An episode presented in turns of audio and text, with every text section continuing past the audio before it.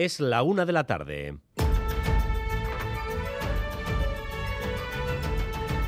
Crónica de Euskadi con Dani Álvarez. Arrachaldeón, ¿por qué se está produciendo este aumento de delitos con armas blancas en Euskadi? ¿Estamos ante un pico fortuito en el que coinciden varios casos llamativos en poco tiempo? ¿O se trata de algo más de fondo? Los datos prueban un aumento claro.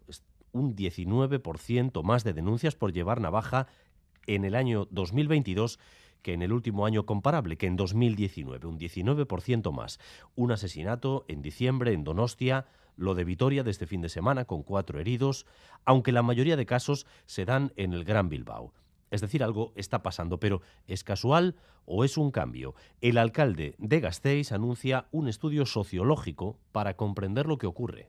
El propio Ayuntamiento de Vitoria-Gasteiz vamos a impulsar un análisis más sociológico sobre cuáles son las causas que impulsan a un joven a salir con un cuchillo o una navaja durante el ocio nocturno. ¿no? y qué es lo que puede ser para que se puedan eh, prevenir estos casos. Un análisis más sociológico. Además, el lunes empieza el plazo de matriculación escolar y será la primera vez que el nuevo modelo afecte a partir de los dos años, a los niños y niñas de dos años, los nuevos criterios para evitar la segregación. El consejero Joaquín Bildarratz ha querido remarcar esos criterios para que todos sean, seamos conscientes de que evitar la segregación por motivos económicos o de origen exige la implicación de todas las partes. Natalia Serrano. Mensaje central que acaba de comunicar el consejero Vildarrach cambia el modelo de matriculación que empieza el lunes que viene. Es el primer paso, solo afecta al alumnado que entra a las aulas, al de dos años. Irá progresivamente, curso por curso, implantándose. Una vez que finalice la recogida de inscripciones, que empieza el lunes, acaba el 24 de febrero, centros públicos y concertados en las aulas de dos años van a tener que hacer una reserva de plazas, como dices, para ese alumnado vulnerable, porque decía Bill de Ratch, es una apuesta por promover una distribución más equilibrada del alumnado. Le escuchamos. La alternativa, lo más cómodo, hubiera sido seguir como hasta ahora, pero si queremos avanzar como sociedad, tenemos que dar el paso. Veremos también si hay movimientos después de las pugnas que se han visto en nuestro país, que se ven prácticamente a diario entre la pública y la concertada. Ya saben que actualmente en nuestro país el reparto es casi casi al 50%, 52-48. Sociómetro para las elecciones de mayo.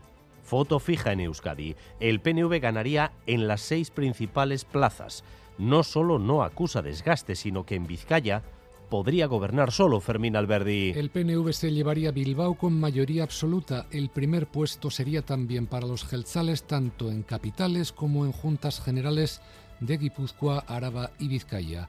EH Bildu se consolida como segunda fuerza en los territorios forales, pero la coalición soberanista disputa la segunda plaza con el Partido Socialista en las capitales. EH Bildu se llevaría ese segundo puesto en Gasteiz y en Donostia. El Partido Socialista de Euskadi lograría la segunda plaza en Bilbao. El sociómetro da al PP vasco en las instituciones de Álava opciones de acercarse al grupo de cabeza. El Carrequín Podemos mantendría representación, aunque a la baja, para Vox nada. El Aitamari navega ya hacia el Mediterráneo. Ha zarpado desde Castellón con el objetivo de rescatar al máximo número de personas que intentan, a la desesperada, llegar a Europa. Ander López Lerena. Sí, a las 9 de la mañana han zarpado desde el puerto de Vinarós, en Castellón. Es la novena visión de la Itamari, pero el objetivo sigue siendo el mismo, tratar de rescatar al mayor número de personas en el Mediterráneo central. En lo que llevamos de año han fallecido más de 100 personas tratando de llegar a Europa. Esta noche,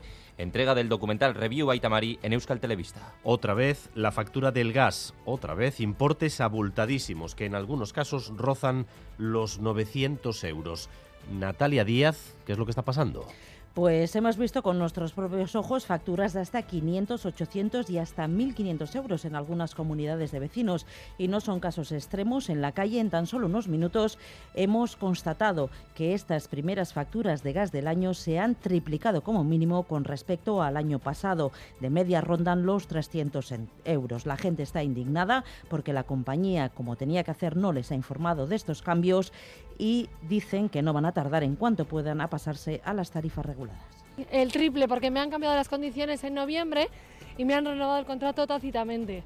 Me han cambiado también el precio y me he enterado con la nueva factura que me ha llegado en enero. Y he pasado de pagar 40 euros a pagar 210 este mes. 296 euros. La anterior creo que fueron 205, así.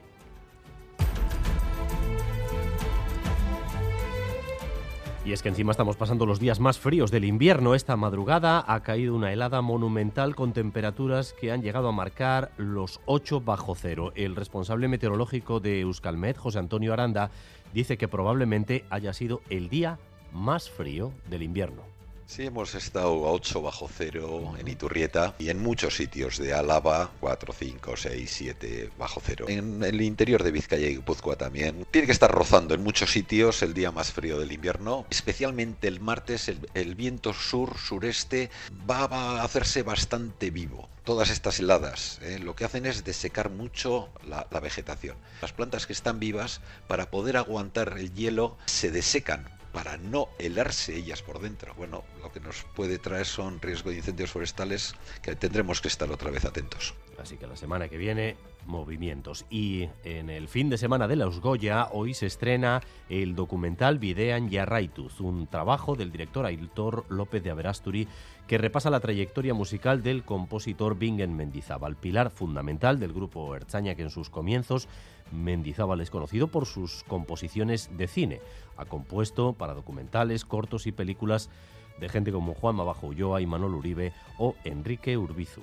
Aitor López de Averasturi. En este caso, como es Aitor el director, somos amigos desde hace tiempo y bueno, yo he visto que lo, que hace pues tiene una, una mirada especial, ¿no? que no tiene nadie y me parecía el, hombre adecuado ¿no? para, para, hacer esto. Es más, si lo hubiera hecho otro, seguramente no, no hubiera aceptado.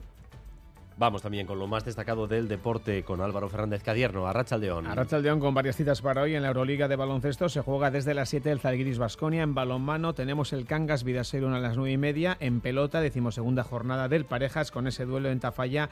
La razaba al Albisu Peyo Echeverría Rezusta. Además, en Bilbao tenemos la final del torneo de Vizcaya de mano femenina. Cielos completamente despejados a estas horas en todo el país. Así va a continuar durante todo el fin de semana. Durante el día, lógicamente, una sensación algo más agradable, gracias precisamente al sol, pero van a continuar las heladas de madrugada. 11 grados en Donostia y en Bayona, 9 en Bilbao, 5 en Iruña, apenas un grado de temperatura en Vitoria-Gasteiz. Y en el tráfico en Amorebieta, sentido Bilbao, en la N634, un camión averiado está obstaculizando parte de la calzada. La Erchainza regula el tráfico en esa zona. Amorebieta, sentido Bilbao, N634. Gracias un día más por elegir Radio Euskadi y Radio Vitoria para informarse. Raúl González y José Ignacio Revuelta se encargan de la dirección técnica, a Itziber Bilbao de la coordinación. Crónica de Euskadi con Dani Álvarez.